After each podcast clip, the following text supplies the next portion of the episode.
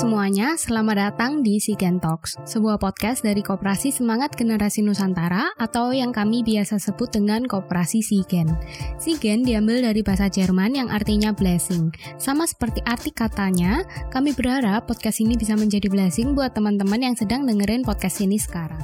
Hai semuanya, pada podcast kali ini Lina akan ngobrol bersama Christine Yunita atau yang biasa dipanggil CY, founder and CMO dari Nanas Media, sebuah digital agency and founder dari Idea Hive. Saya perkenalkan, hai CCY, apa kabar? Halo, baik-baik. Boleh dong C diceritain dulu sedikit tentang Nanas Media sama Idea Hive itu gimana awal terbentuknya? Oke, jadi uh, Idea Hive itu yang terbentuk duluan adalah Idea Hive ya. Jadi kalau IDHF itu adalah education platform yang di situ kumpulan dari aku sama beberapa teman-temanku yang lain. Totalnya di kami ada 4 sampai 5 orang. Nah, kita kumpul di situ terus kita pengen sharing-sharing nih tentang apa yang uh, kita bisa share kayak pengalaman kita ataupun bidang studi yang kita udah kerjain kayak gitu. Nah, terus kalau untuk Nanas Medianya sendiri, kita adalah digital growth agency. Di dalamnya uh, kita ngurusin sosial media, terus kita ngurusin uh, digital marketing nih, supaya bisnis online orang-orang tuh pada uh, semakin banyak dikenal orang. Wah, kayaknya seru banget ya, Jay, idea sama Nanas Media ini. Banyak ketemu orang-orang baru gitu ya. Iya betul betul. Lalu bicara tentang sosial media sendiri, C ini kan ada banyak banget ya sekarang sosmed yang kita pakai. Hmm. Misalnya Instagram, betul. terus sekarang ada TikTok, Snapchat, hmm. Facebook, LinkedIn. Menurut CC sendiri, mana platform yang paling efektif untuk kita sebagai penjual online tuh branding online shop kita supaya kita bisa menghasilkan sales buat usaha kita gitu, C. Hmm, oke. Okay. Uh, eh, ini pertanyaannya menarik sih melihat uh, sekarang kan memang ada banyak tuh platform uh, sosial media yang bertebaran. Terus yang lagi nge-hype juga banyak ya. Kita tahu sendirilah ya ada TikTok, terus ada YouTube dan Instagram. Kalau untuk Snapchat uh, biasanya nggak terlalu banyak sih ya kalau di Indo. Terus LinkedIn itu cukup oke, okay. Facebook juga masih tetap jalan. Nah, uh, kalau mau ditanyain mana sih yang paling efektif? Balik lagi ke uh, tergantung target audiensnya siapa nih. Soalnya setiap UKM itu mereka harusnya uh, punya audiens yang beda-beda. Terus selain itu juga uh, dari mereka sendiri mereka bisa provide konten yang kayak gimana. Nah, misalkan aja uh, kita lagi biasanya ya kalau UKM itu kan budgetnya nggak banyak uh, aku tahu sendiri sih soalnya kan aku sendiri juga punya usaha yang baru aja aku rilis gitu kan kayak uh, F&B makanan lah. Nah berarti di awal kita pasti budget marketingnya juga nggak banyak. Kalau kayak gitu kita uh, tembusin semua channel bisa bisa nggak ada waktu nih gitu. soalnya masih ngurusin produksi terus belum ngurusin marketingnya terus ngurusin uh, pengiriman dan lain-lain. Nah kalau kayak gitu kita uh, terlalu banyak platform atau sosial media malah nggak fokus. Kalau seperti itu kasusnya, saranku adalah uh, balik lagi ke SDM yang kita punya. Jadi SDM yang kita punya sekarang kita tuh bisa uh, yang di mana. Jadi kalau misalnya kita memang kuatnya itu di uh, creating video, ya mendingan kalau aku sarannya TikTok atau YouTube. Kalau Instagram juga bisa sih uh, IGTV. Nah kalau misalnya kita kuatnya tuh bikin desain, basically mungkin uh, ada lulusan desainer gitu. Nah terus kamu bisa nih untuk bikin desain-desain. Nah itu nggak masalah kalau misalnya mau main di Instagram. Jadi uh, mesti disinkronkan antara kita bisanya apa sama uh, audiens kita di mana gitu. Baru kalau misalnya kita sama-sama udah sinkron dan ketemu, nah otomatis dong uh, pesan yang kita mau sampaikan atau branding yang kita bangun itu akan sampai ke audiens kita. Hmm. Gitu. Jadi lebih baik milih sedikit tetapi kita punya kualitas yang baik di sosmed kita gitu ya, Jaya? Betul sekali daripada kita udah hantam semuanya tapi kalian nggak ada yang konsisten nah kan percuma gitu loh nah uh, ini tergantung lagi sih soalnya aku ada beberapa klien yang dia itu memang eh, nggak uh, terlalu butuh ya yang namanya uh, sosial media sebelum pandemi sebelum pandemi. Jadi kan istilahnya masih ada offline mm -hmm. dan bisnisnya udah lama banget ada. Jadi um, istilahnya kayak dia nggak perlu nyari orang, malah orang yang nyari dia kayak gitu. Nah kalau hal-hal yang kayak gitu bisa tuh kita tuh uh, paling nggak punya uh, orang bisa nemuin nama brand kita di beberapa tempat. Itu nggak masalah. Jadi kayak nggak apa-apa deh aku tetap bikin Instagram. Uh, walaupun aku nggak bisa setiap hari posting nggak apa-apa deh aku tetap bikin uh, YouTube. Walaupun aku nggak bisa setiap uh, minggu untuk upload. Nah kalau misalnya tujuannya adalah hanya untuk uh, orang bisa cari aku di sini, tetapi uh, channel utamaku ada di sana, nah itu masih nggak masalah gitu loh. Gitu, asalkan kita uh, harus punya yang memang channel utamanya kita yang untuk uh, kita garap terus nih rajin banget untuk posting kayak gitu. Ini Cece tadi sempat mention ya tentang sebelum pandemi ada hmm. kliennya Cece yang dulu nggak butuh sosmed, terus sekarang gimana hmm. kena pandemi gini? Apa akhirnya mulai memikirkan untuk menggarap sosmed atau gimana? Hmm. Iya iya. Uh, jadi kan karena pandemi offline store semua udah pada ini ya apa ya vakum sementara lah ya. Tapi kan sekarang uh, untungnya kita udah selesai nih uh, eh, PSBB, jadi udah bisa kayak keluar-keluar lah. Walaupun kita tetap harus menjaga safety lah. Nah uh, di situ dia memang berubah sih. Jadi uh, kita lebih banyak main di online, terus posting kita jadi nambah. Jadi yang dulu uh, yang penting aku ada aja nih sosial media yang penting aku ada. Nggak perlu aku posting everyday nah sekarang itu udah berubah. Jadi uh, kita nggak akan tahu kapan kita akan di lockdown lagi. Jadi mendingan prepare yourself. Uh, jadi si klien ini dia tetap uh, rutin nih untuk posting terus. Jadi akhirnya sumber dayanya digunakan untuk mulai digarap ke online gitu ya? Online, betul. Oh, oke. Okay. Menarik sih ini. Jadi yang offline juga sudah mulai ke online. Ini kalau menurut mm -hmm. Cece sendiri, kita lebih mm -hmm. enak main kayak di sosmed gitu, atau kita main juga kayak di marketplace? Itu kan sesuatu yang agak beda gitu, Cece. Mm -hmm. Betul. Enaknya gimana? Uh, kalau baru okay. mulai? Uh, kalau baru mulai. Mulai tergantung produk balik lagi. Uh, apakah produk ini orang biasanya beli di marketplace atau uh, produk ini lebih cocok di Instagram? Kalau yang so far ya yang aku liatin itu kalau misalnya di marketplace kita uh, biasanya produk yang lebih banyak orang membutuhkan. Soalnya uh, traffic yang didatangkan oleh marketplace itu kan sangat luas mereka punya budget sendiri untuk mereka ngiklan uh, brandnya mereka supaya orang tuh rame masuk ke websitenya mereka gitu loh. Jadi uh, produk yang orang banyak bisa pakai, produk yang uh, harganya oke, okay. terus itu lebih cocok untuk dijual di marketplace. Nah, kalau untuk di mau coba jualan di Instagram sebenarnya nggak masalah. Tapi biasanya orang-orang yang jualan di Instagram itu produknya tuh bikin sendiri.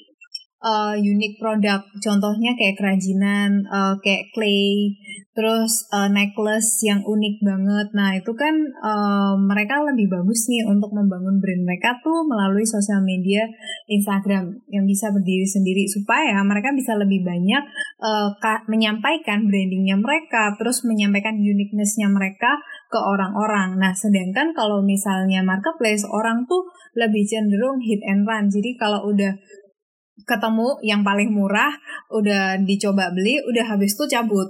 Nah, kecuali uh, ada uh, orang-orang yang cukup pintar nih untuk bangun brand tokonya dia. Jadi di marketplace kan ada tuh kita kita sendiri pun yang belanja di Shopee pasti kita follow uh, beberapa toko yang memang produk dia bagus-bagus terus harganya juga terjangkau. Nah, itu dia udah membangun branding untuk tokonya sendiri. Hal-hal kayak gitu tuh yang uh, lebih cocok untuk masuk ke marketplace. Jadi cara mainnya juga udah beda kalau mau main di marketplace sama uh, main di sosial media. Hmm. Untuk pengalaman Cece sendiri dalam branding sosmed hmm. itu gimana Cece jatuh bangunnya? Apalagi buat yang baru-baru mulai nih Berarti kan kita perlu hmm. memikirkan gimana kita harus nge-branding sosmed kita supaya customer yang datang itu kan sesuai sama harapan kita. Jatuh bangunnya hmm. gimana, sih? Nah tuh naikin followers tuh minta ampun. Jadi kan balik ke produk tuh. Jadi ada uh, sekarang tuh naikin followersnya. Kok kita liatin setiap hari angkanya cuma segini mulu, mau sampai seribu aja kok susah. Nah itu biasanya kalau untuk yang startup benar-benar startup nih, mulai dari nol followers. Nah uh, susahnya adalah kita mau nggak mau mesti harus kerja keras uh, untuk kayak apa ya istilahnya mungkin orang akan akan ngomong spamming ya. Sebenarnya kita nggak spamming sih. Kita mau engaging ke orang-orang yang memang menjadi calon targetnya kita. Jadi kayak nge-likein uh, postingnya mereka, ikutan komentar, terus kita mesti ngeriset hashtag, terus kita ngeriset uh, akun-akun promosi lainnya yang kita bisa masuk nih, misal jualan makanan, berarti kan kita masuk ke kayak uh, Instagramnya kuliner Surabaya lah, atau pakai hashtag kuliner Surabaya, kuliner Surabaya murah, kuliner Surabaya enak, nah itu dicobain semua tuh uh, untuk bisa datengin uh, traffic ke akun kita. Terus uh, untungnya lagi sekarang Instagram kan uh, udah ada fitur tuh kalau makanan tuh ada food orders yang bisa dikonekin ke GoFood dan GrabFood. Terus juga ada uh, fiturnya dia yang SME tuh yang small business uh, yang kita bisa posting aja di story pakai stikernya itu. Terus nanti uh, Instagram akan bantuin kita untuk nge mempertunjukkan Instagram kita di orang-orang lainnya yang mencari uh, bisnis-bisnis yang lain dan juga ada fitur Instagram Ads yang kita bisa pakai mulai dari 10.000 sampai 20.000 rupiah iklan per day. Itu bisa dipakai juga untuk bantuin kita naikin followers dan membantu kita jualan. Wow, banyak banget ya Cey ini tools yang habis Cece sebutin ini. Ini kita iya, harus iya. pakai semua atau gimana Cey sebagai newbie ini? Kita bingung nih, kayak enaknya yang mana ya gitu. Oke. Okay. Kalau aku sih saranin uh, kalau kita newbie ya, mm-hmm. mendingan pakai yang gratis dulu. Otomatis dong kan less budget. Jadi pakai yang gratis dulu. Yang gratis itu kan stiker-stiker itu tadi gratis. Hashtag gratis. Nah, pakai yang itu. Terus ngetekin uh, si kuliner Surabaya gratis. Jadi kita pakai itu juga. Jadi uh, jangan khawatir selama produk kita oke, okay, terus kita nggak spamming hampir setiap posting kita tag janganlah ya. Kecuali ya, ya, ya, emang kita mau ngasih mereka sesuatu gitu loh. Nah kalau cuma kayak gitu mendingan nggak usah spamming deh. Uh, yang kita bisa aja ya. Jadi memang kita kalau lagi mau promo, lagi giveaway, nggak apa-apa tuh kita tagin kayak gitu setelah pakai yang gratis, terus kalau misalnya uh, kita ada promo-promo khusus, mm -hmm. misal uh, dalam satu bulan ini kita punya promo buy two get three. Nah, kalau kayak gitu tuh kan ada promo khusus, bisa tuh uh, waktu kita bikin promonya kita iklanin. Jadi kan iklannya nggak usah sering-sering uh, kalau misalnya budgetnya nggak banyak. Wow, oke. Okay. Untuk ini C, hashtag sendiri. Gimana hmm. cara kita milih hashtag yang paling efektif ini buat kita? Maksudnya kita researchnya caranya hmm. gimana, sih? Hmm, Ada tools caranya, atau apa gitu? Hmm, Oke, okay.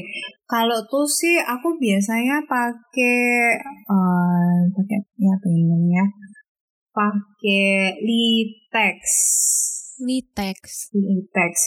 Li L E Tex T A G S jadi itu app sih. Mm -hmm. uh, misal kita ya jualan ini skincare, mm -hmm. terus kita tulis uh, skincare Indonesia gitu. Hashtag skincare Indonesia kita masukin ke Litex. Nah, terus ntar dia akan searching, terus dia akan ngerekomen kita hashtag-hashtag lain tuh yang serupa, yang orang-orang juga uh, nyari atau orang-orang juga pakai. Nah, itu bisa kita pilihin untuk uh, mana sih yang kira-kira cocok sama produk kita, misal untuk whitening kayak atau uh, untuk uh, eh, anti aging. Nah, itu kita bisa pilih mana yang cocok. Nah, kemudian dari hashtag itu kita kumpulin, terus kita pakai deh ke posting-posting yang kita um, terus harusnya kita tuh nggak pakai hashtag yang harusnya kita mix. Jadi kan total anggap aja 30 hashtag. Mm -hmm. Nah, aku biasanya pakai 20 sampai 15 hashtag. Uh, di situ aku bagi-bagi. Jadi ada hashtag yang memang untuk uh, brand kita sendiri. Misal hashtagnya itu um, pentol enak CY. Nah, nggak aja itu loh. Hashtag pentol enak CY. Nah, itu kan hashtag brandku ya. Yeah, yeah. Terus uh, kemudian kita pakai hashtag yang orang-orang cari. Nah, misal kuliner Surabaya. Habis itu hashtag uh, pentol murah Surabaya. Hashtag pentol enak Surabaya. Nah, itu. Itu adalah hashtag yang orang-orang cari. Terus kemudian uh, di situ pasti waktu kita pakai e-text itu kita akan nemu hashtag-hashtag yang oh, banyak banget penggunanya. Kuliner Indonesia kuliner Surabaya itu itu cukup banyak penggunanya. Nah kita harus mix antara uh, hashtag yang banyak penggunanya dengan hashtag brandnya kita kemudian dengan hashtag yang nggak terlalu banyak penggunanya. Supaya di hashtag yang nggak terlalu banyak penggunanya itu yang pemainnya masih sedikit. Nah kita harus bisa jadi nomor satu jadi waktu hashtag uh, misal pentol murah Surabaya, terus itu di search di Instagram kita termasuk di sembilan besar. Nah itu artinya kita udah cukup unggul. Biasanya kalau kita menang di hashtag tertentu yang masih kecil, nanti kita akan pelan-pelan naik untuk masuk ke permainan di hashtag yang lebih luas lagi gitu. Itu tentang hashtag. Jadi kayak ada levelnya gitu ya? Iya, kayak main game. Gitu. Past level 1, test level 2. Biasanya butuh berapa lama, Cek, untuk membangun supaya kita itu bisa pass the level gitu? Iya, itu balik ya nggak bisa jawab karena beda produk beda journey oh, ada okay. yang kalau misalnya ya kalau aku sendiri aku kan uh, idea have itu kan aku mainnya di startup jadi kalau misalnya kamu search startup Surabaya itu uh, salah satunya masih ada uh, kelihatan postingnya si Idea Have. Nah, uh, bisa jadi kayak gitu. Itu aku butuh berapa lama ya? Aku bahkan baru sadar itu di dua tahun terakhir ini gitu. Kalau misalnya postingku masuk kayak gitu gitu. Nah, yang sebelum-sebelumnya nggak pernah ngecekin. Jadi aku coba dulu uh, dari yang kecil terus tak jalanin terus aja yang penting kita konsisten untuk jalan. Nah kalau sekarang kan kita memang mau fokus nih buat naikin um, jualan kan soalnya kita mau jualan di startup yang kalian ini web UKM lah ya istilahnya. Jadi kalian mesti lebih uh, rutin untuk ngecekin uh, sampai di level mana kalian gitu. Oh oke. Okay. bisa satu bulan bisa lebih bisa satu tahun. Nggak tahu nih tergantung itu jenis postingnya sendiri ngaturnya gimana sih sehari itu kita posting misal konsisten tiga kali atau sehari sekali itu cukup? Atau kita harus mix story posting? Atau mungkin ada waktu khusus gitu sih Oke, okay. uh, eh, kalau waktu khusus ini yang aku jawab yang paling gampang. kalau waktu khusus itu otomatis dong, kan uh, biasanya tuh jam 12 siang ke atas. Jadi di jam 12, jam 5, jam 6, terus jam 8, jam 9. Nah itu biasanya orang tuh ngeliatin Instagram. Jadi kita posting di waktu-waktu itu harusnya like sama reach di postingan kita lebih tinggi tuh. Terus balik lagi, setiap uh, Instagram beda-beda. Nah ntar kalau kita udah jalan sampai sekitar satu bulanan, nah sering tuh, sering-sering ngecekin insight. Kadang uh, insightnya bisa berubah. Kadang, oh ini ternyata jam 9 nih paling rame. Nah kalau udah gitu, mendingan posting di ngikutin aja di jam 9 kayak gitu. Terus kalau untuk satu hari berapa kali posting ya? Uh, balik ke konten. Nah, misal sebenarnya satu hari kita mau posting tiga kali itu nggak masalah. Ada orang yang ngomong, oh, aku takut spamming. Ya kan, kalau aku sendiri, aku pernah nemu temanku tuh, ya ampun, dia habis berlibur ke Bali, dia satu hari bisa ngepost sampai lima. Wow. Langsung ku unfollow. soalnya siapa yang mau coba ngeliat muka dia lima kali gitu kan nah aku kan bosen nah itu sih jadi uh, sama gitu loh orang juga mungkin ada yang berpikir lebih parah dari aku. Aku tuh nunggu lima kali baru aku unfollow gitu kan. Tapi endingnya aku follow lagi gitu saat dia udah bertobat. Nah, nah ada orang yang kamu post satu hari tiga kali, kamu udah dipikir spamming. Kamu nge-likein fotonya dia sembilan posting, kamu like dalam satu hari, kamu langsung dipikir spamming. Kamu langsung di block. Jadi setiap orang tuh beda-beda. Kalau aku sih balik lagi ke konten. As long as kamu punya konten yang nggak bikin mereka boring, nggak bikin audiensmu boring, mereka malah nungguin konten lu, nggak masalah lu mau posting satu hari 10 kali gitu loh. Contoh ya, aku kasih contoh. Misal, uh, aku akun katalog promosi atau aku akun event Surabaya kalau aku event Surabaya, aku posting dalam satu hari ada lima event yang lagi seru nih di Surabaya. Siapa sih yang nggak mau lihat? Pasti mereka pingin nungguin, ah, kamu posting apa lagi nih abis ini? Nah, kalau aku posting uh, gambar ya misal aku jualan pentol ya aku posting jualan pentol satu hari lima kali bisa-bisa pun di blog gara-gara ini apaan sih ini pentol mulu pentol mulu lu nggak ada konten lain apa nah itu sih Wow. Jadi mesti mikir-mikir konten kita itu bakal spamming atau enggak gitu. Jadi nggak masalah sebenarnya kamu ngepost berapa kali. Termasuk uh, mix sama story juga nggak apa-apa. Soalnya ada orang yang males kan lihat feed, malah mereka tuh lebih prefer untuk lihat story kita mesti ngetes ada klienku yang dia tuh uh, bagus banget di storynya tapi kalau di feed tuh likesnya tuh jelek banget nah itu kan artinya kita tuh nggak boleh ninggalin feed. Jadi kita tetap harus posting feed walaupun um, apa ya istilahnya tidak sebanyak story. Nah storynya kita perbanyak. Oh, berarti balik lagi ke online shopnya jualan apa? Iya dong. Terus kalau misalnya nih Cek, uh, jualannya cuma satu macam, misalnya jualannya pentol kan kita nggak ada ini kamu nyindir konten, aku atau gimana konten ya? lain sih selain pentol terus gimana kalau kayak gitu okay, supaya okay. orang itu nah. ingat pentol kita gitu loh walaupun kita ini jualannya cuma pentol kayak gitu uh, Oke, okay. kalau kayak gitu kita bisa bikin uh, macem-macem. Misal kita bisa bikin games dengan pentol. Terus, ya ampun oh, aku iya, nggak iya, kebayang iya, sih iya. games pentol itu kayak gimana. Oke, okay. terus kita juga bisa posting tentang uh, cara buat kayak proses di belakang itu. Nah, terus uh, kita bisa nge-repost punyanya orang uh, meskipun kita jualannya sama, yaitu adalah pentol, tapi kita bisa ngambil dari sudut pandang yang berbeda. Antara sudut pandang produsen sebagai kita yang membuat, mm -hmm. atau sudut pandang uh, orang ketiga yang belum pernah nyobain, terus sudut pandang orang yang udah nyobain, nah itu kan beda-beda. Kita bisa gilir itu. Nah, uh, untungnya adalah saat kita punya stok sudut pandang itu yang kita jalani dalam satu bulan. Terus uh, bulan depan kita mau posting apa? Tinggal dibalik lagi aja, dibalik uh, ritmenya, dibalik uh, rubriknya, tinggal ditukar lagi, diatur lagi uh, supaya orang yang datang ke Instagram kita kan harapannya kita adalah followers kita nambah orang yang beli nambah. Nah, otomatis kita mengharapkan ada banyak orang-orang baru yang belum mengenal pentol kita, itu jadi kenal sama kita. Kalau kita nggak ngulang lagi untuk posting foto produk, ya orang nggak tahu dong kamu posting apa, cuma posting muka orang dan bahagia. Kan nggak tahu.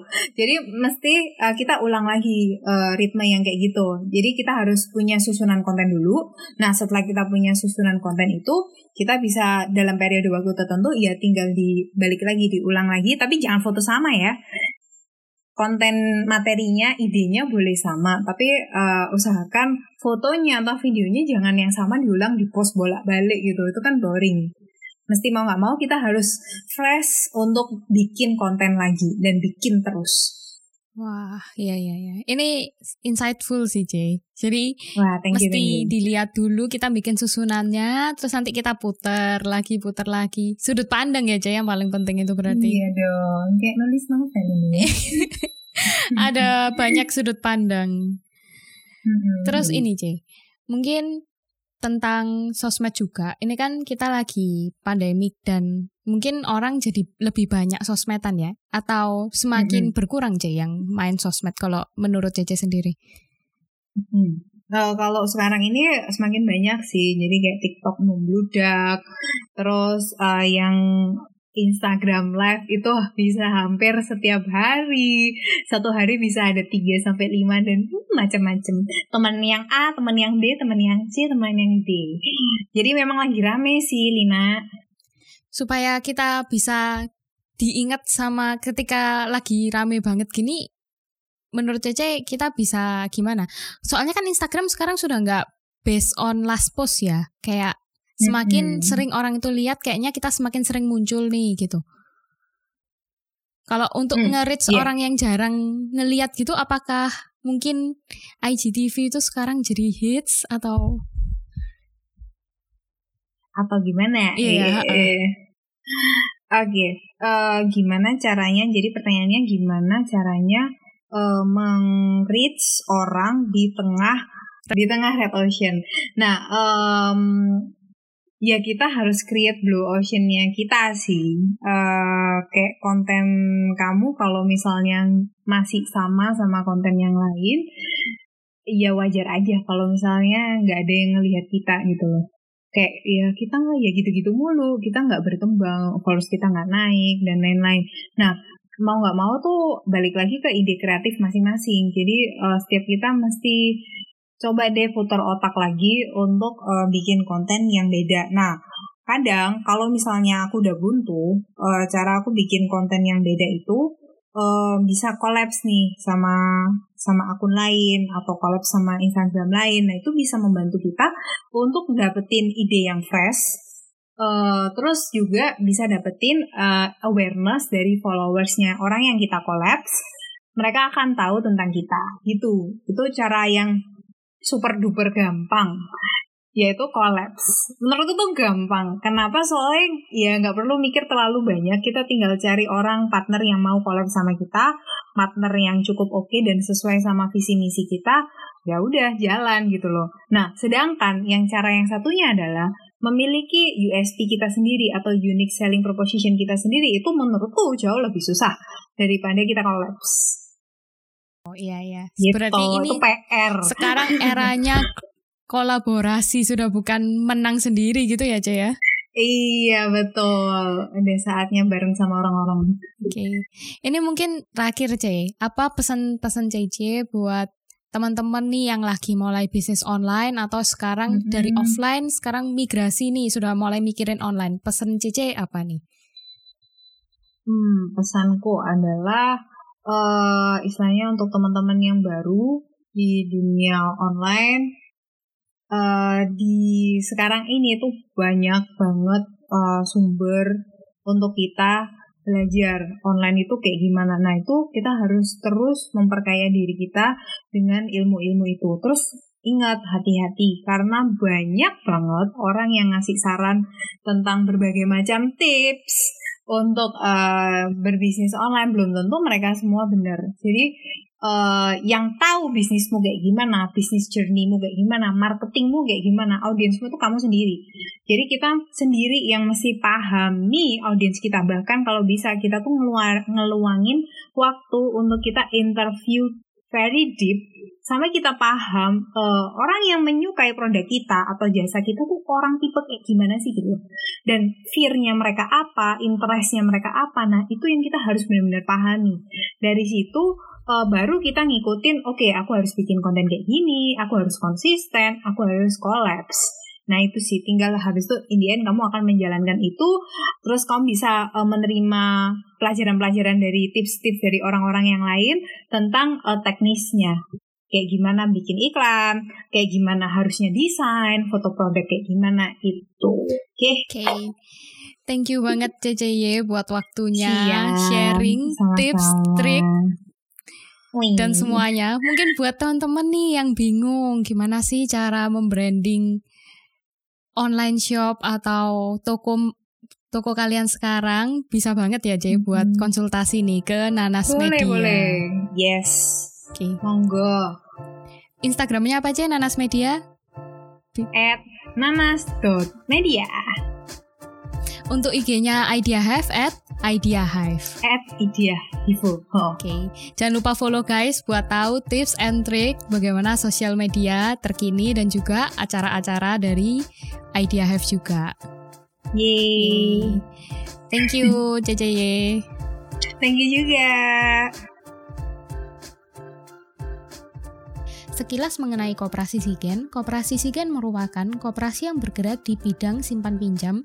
Selain melayani anggotanya dalam hal keuangan, kami juga memiliki komunitas sebagai wadah untuk saling berbagi untuk teman-teman yang saat ini sedang menjalankan dan atau memulai usaha. Untuk tahu update mengenai event-event terbaru kami, bisa follow Instagram kami at sigen.ind. Terima kasih kami ucapkan kepada semua pendengar podcast kali ini. Sampai jumpa di episode kami selanjutnya.